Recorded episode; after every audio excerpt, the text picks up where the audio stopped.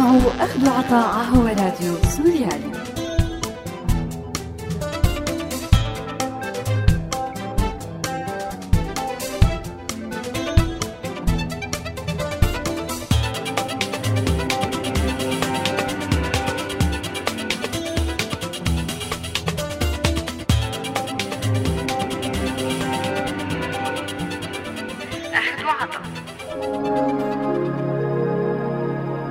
أعزائي المستمعين أهلا وسهلا فيكم برحب فيكم أنا مايا بحلقة جديدة من برنامج أخذ وعطا. وبذكركم أنه هذا البرنامج بالتعاون مع مبادرة كلنا مواطنون. من سنة 2011 ولغاية هلأ وما عدا فترة قصيرة بالبداية كانت مليئة بالأمل والتوقعات العظيمة ببداية الثورة السورية وبالتزامن مع الربيع العربي. وسوريا والسوريين عم يغوصوا بسقوط حر بحفرة عميقة ما معروف إيمت رح يوصلوا للقاع فيها. مع كل تعقيد جديد بالحالة السورية وكل مجزرة مرعبة وكل معركة ما بتحترم أبسط مبادئ القانون الإنساني من استهداف للمدنيين وقصف للمشافي واعتبارها أهداف عسكرية وغيرها من الانتهاكات الفظيعة اللي ما بتنتمي للقرن الواحد وعشرين على ما يبدو أن الناس بكل مكان بالعالم حتى السوريين أنفسهم البعيدين عن الصراع بدأوا يفقدوا الاهتمام والتركيز بالقضية السورية الإنسانية والسياسية. وكأنه سوريا هي كوكب منفصل عن كوكب الأرض ما بيجي منه غير الألم ووجع الراس والإحباط شو اللي خلى الدافعية للمساعدة تتناقص تدريجيا حتى تنعدم تقريبا بالقضية السورية؟ شو هي العوامل اللي ممكن تحفز الناس ليناصروا قضية ما أو ليتخلوا عن قضية ما؟ وشو أثر هالعزلة على السوريين أو على أي مكان بالعالم عم يشهد نزاع أو كارثة وبنفس الوقت لا مبالاة من قبل الآخرين من متبرعين محتملين أو مناصرين إعلاميين هذا موضوع حلقتنا لليوم من أخذ وعطاء خليكن معنا بعد هذا الفاصل.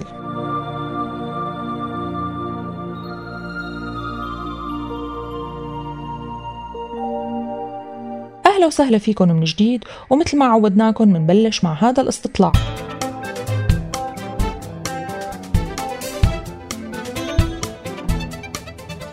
هل خف تعاطف غير السوريين مع القضية السورية؟ وليش برأيك؟ يعني أنا ما فيني أجزم إذا هو انخفض أو خف التعاطف آه، معنا كسوريين. ولكن آه، الشيء الأكيد أنه معاناة السوريين أصبحت آه، شيء اعتيادي عند البقية.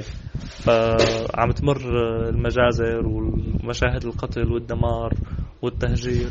عم تمر مرور الكرام يعني على هاي المجتمعات إنه خلص هالمجتمع تعود على هذا النمط من الحياة القاسية آه، يعني فيك تقول صرنا مثل القضية الفلسطينية اي خلص آه، شيء صار ثابت ضمن آه، الحياة. هيك هدلون هيك حياة.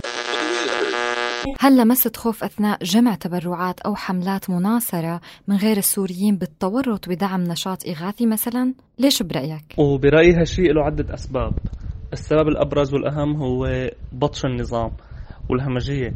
يعني لما كان كل يوم عم يرتكب مجازر ولا زال عم يرتكب مجازر وعم نشوف هالكم الهائل من آه، القتلى والكم الهائل من القذائف وصواريخ الطيران عم تنزل فوق روس فوق روس الشعب.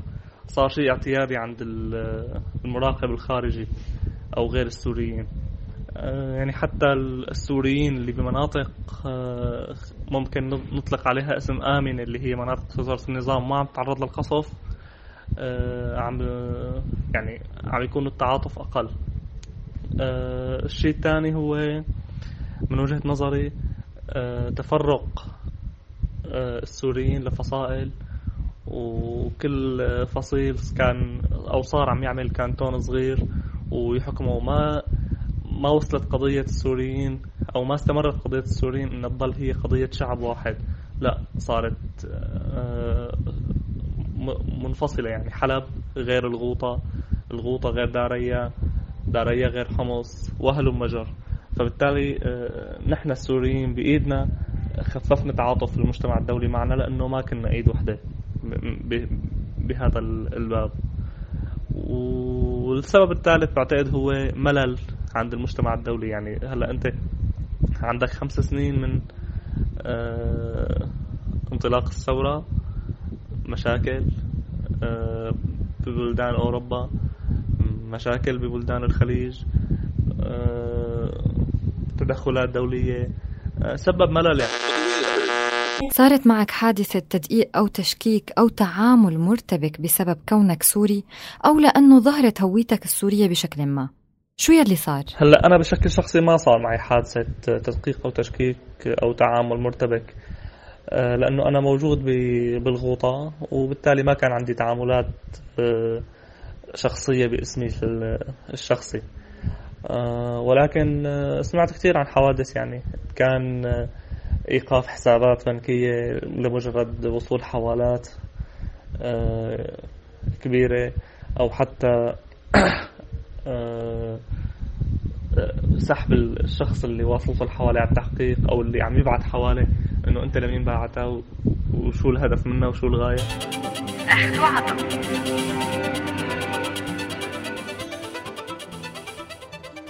بالسنوات الماضية أصبحت المؤشرات واضحة على أنه الاهتمام من قبل المتبرعين بالتبرع لعمليات الإغاثة بسوريا عم يقل سنة بعد سنة بحسب خدمة التتبع المالي بالأمم المتحدة بعد ما تم تغطية 70% من احتياجات الإغاثة بما يتعلق بسوريا بالأعوام 2012 و2013 انخفضت النسبة لتوصل ل 57% سنة 2014 بحسب خبراء بحملات المناصرة وبالبحث عن تمويل للاستجابة لكارثة إنسانية الناس بيفقدوا اهتمامهم بالتبرع لمساعدة ضحايا كارثة ما لما بيكون من غير الواضح إيمت هي الكارثة رح تنتهي. ولما بتتحول الإغاثة لمعالجة الأعراض الجانبية لمشكلة معقدة حلها شبه مستحيل. التركيز الإعلامي الكبير على تفاصيل الحرب والدمار والقتل والانتهاكات من قبل جميع الأطراف بالحرب السورية بتخلي الدافعية للتبرع والمناصرة تموت.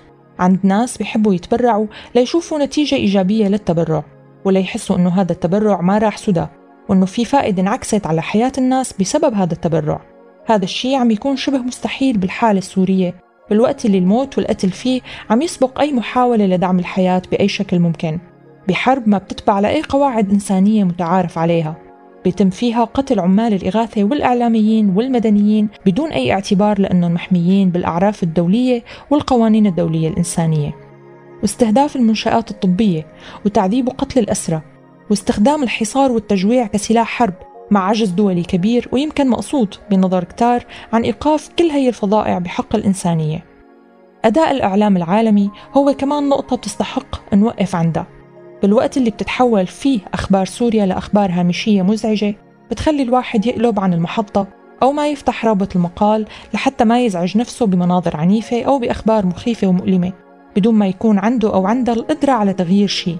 بترجع بتطفو أخبار سوريا على السطح بتناغم جماعي غريب لدرجة أنه احتمال يكون متفق عليه. والهدف الغامض هو بروباغندا سياسية بالدرجة الأولى. إما لمناصرة سياسة الغرب باستقبال اللاجئين أو لمناصرة سياسة الغرب بالتوقف عن استقبال اللاجئين أو لإدانة الفصائل المسلحة أو لإدانة النظام السوري وداعميه العرض غير المتوازن اللي بيركز على فكرة وبيتخطى فكرة تانية عم يترك المتلقي بكل مكان بحالة من التخبط والضياع. عم يخليه يتبرع ويناصر فكرة لحتى بعد فترة يكتشف إنها فكرة خاطئة ببساطة لأنه معلوماته دائما عم تكون ناقصة. وجع الرأس والدوار بالتعامل مع القضية السورية هو اللي عم يخلي الناس تبعد عن هذا الموضوع وتهتم بشؤون أخرى إذا كانت مهتمة بالشأن العام.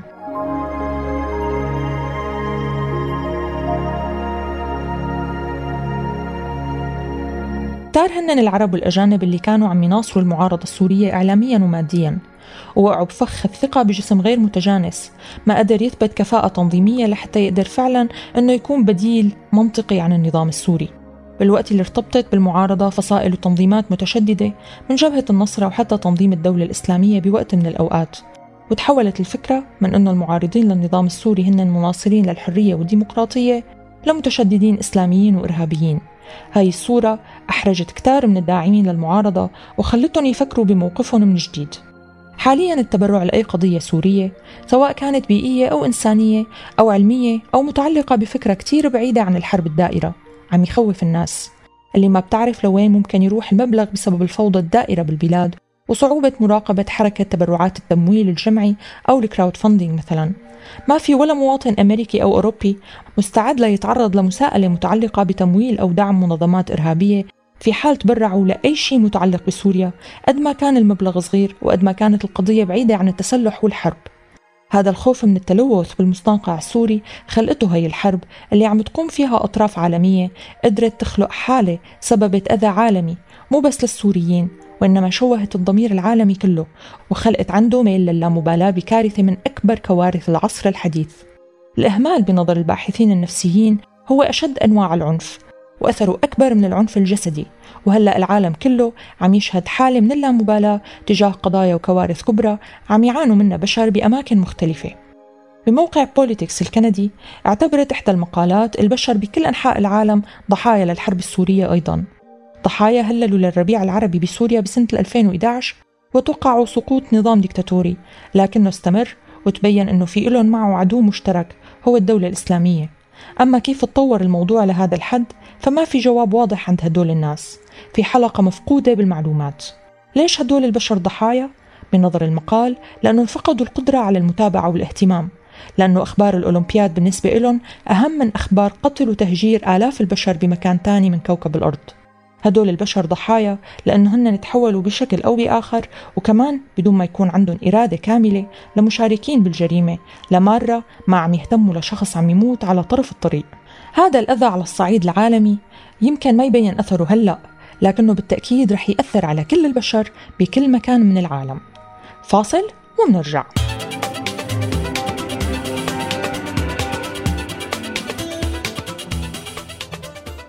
شو تداعيات فك الارتباط والتجنب من قبل المجتمعات غير السورية بالنسبة لكل شيء بيتعلق بالقضية السورية حتى الإنسانية؟ هل هاد رح يخلي الأمور أكثر سوء؟ هل رح يؤدي لعزلة تعقد الأمور أكثر بسوريا؟ ولا ما له علاقة هذا الشيء باللي عم بيصير؟ في حال نفك الارتباط وتجنبت المجتمعات غير السورية آه، دعم القضية السورية رح يكون آه، برأيي آه، المسمار الأخير بنعش الثورة يعني بالبداية كانت ثورة شعبية آه، مطالبة بسيطة ولكن لما تجابهت بآلة القمع وتدخلت آه، الأيادي الخارجية وصارت آه، روسيا وإيران والصين والبريكس تدعم النظام. بالمقابل أمريكا والاتحاد الأوروبي ودول الخليج تدعم ما يسمى بالمعارضة لأنه هن ما دعموا المعارضة ككل دعموا آه، كل دولة كانت عم تدعم جماعة مختصة فيها. آه، حتى بالنسبة للعمل الإغاثي كان هناك آه، أيادي دولية بالتالي تدولت القضية. فهلأ لما هي الدول رح تسحب تسحب إيدها المناطق المحاصرة أو المناطق المحررة ما عندها الإمكانيات المادية اللي بتقوم آه، على رعاية الشعب على على تقديم آه، الرعاية الطبية والإغاثية. وبالتالي أي انسحاب من قبل آه، المانحين خارج سوريا رح يعقد الأمور كتير ورح يخلي وضع الشعب مأساوي ورح يعطي النظام مبررات أو يعطيه مسوغات. عم تسمعوا أخذوا عطاء على راديو سوريالي. من المنطقي أنه يرتبط فقدان الاهتمام بالمتابعة والمراقبة لقضية ما بإطلاق يد الأطراف المختلفة لحتى يروحوا للآخر باستخدامهم للقوة والعنف كونه ما في أي حسيب أو رقيب. الانتهاكات بتكتر الضحايا بيموتوا بصمت الأجندات بتتمرق الحدود بتتغير والسؤال هو قديش الإعلام أصلا عم يقدر أنه يعمل فرق؟ خلونا ناخذ حملة فك الحصار عن مضايا كمثال. مضايا كانت محاصرة من شهور قبل انطلاق الحملة لكن الحملة المكثفة الإعلامية مناظر الأطفال الهزيلين بسبب المجاعة هزت العالم هزت العالم لفترة قليلة. كانت كافية لحلحلة الأمور وإدخال المساعدات قبل ما يتعودوا الناس على أخبار مضايا مرة تانية وترجع للصف الخلفي بالأخبار المتعلقة بسوريا. من شهرين أطلقوا سيريان كامبين تقرير عم يفضحوا فيه بالأرقام والوثائق أداء الأمم المتحدة بسوريا وأنها متواطئة مع النظام وهذا التقرير أيضا أدى لضجة وفتح ملفات بالأمم المتحدة قبل ما يبرد الموضوع مرة تانية الحملات الإعلامية عم تعتمد على حدث معين حدث رح يبرد بعد فترة. صورة الطفل عمران هي كمان مثال على هذا الموضوع. لكن الحدث لما عم يبرد كمان عم يؤدي لنوع من الشعور بالإحباط والمظلومية والغبن. بسبب كون الحملات بدون فائدة على المدى الطويل. وما عم تفيد غير بس بمعالجة أعراض وأثار جانبية رح تتكرر بعد شهر أو حتى تاني يوم.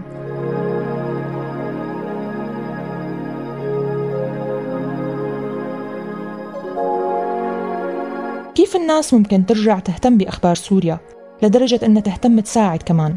الأمل هو اللي بيشد الناس لفكرة ما الجدوى.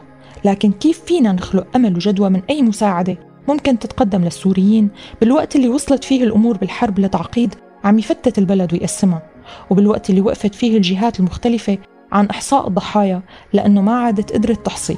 بالوقت اللي كل يوم عم يموت فيه العشرات من خمس سنوات ولهلأ. الصورة قاتمة كتير. كيف فينا نخلق حالة ترجع تشد الناس لتهتم وتساهم بالحل مرة تانية؟ سؤال جوابه مو مستحيل لكن جوابه مو عنا.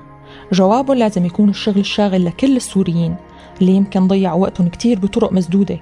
وصار لازم يفكروا بحل بديل يقدر يفتح فتحة صغيرة بهالسور العالي اللي محاصرنا كلياتنا وعم يمنع الآخرين من إنه يوصلوا لنا. بنهاية حلقتنا أصدقائي أنا بودعكم على أمل إني ألتقي فيكم الأسبوع الجاي بحلقة جديدة من أخت وعطا. لا تنسوا تتابعونا على موقعنا سوريالي dot com وارشيفنا دائما بتلاقوا على الساوند كلاود وولفوا علينا FM من هون للأسبوع القادم. كونوا بألف ألف خير.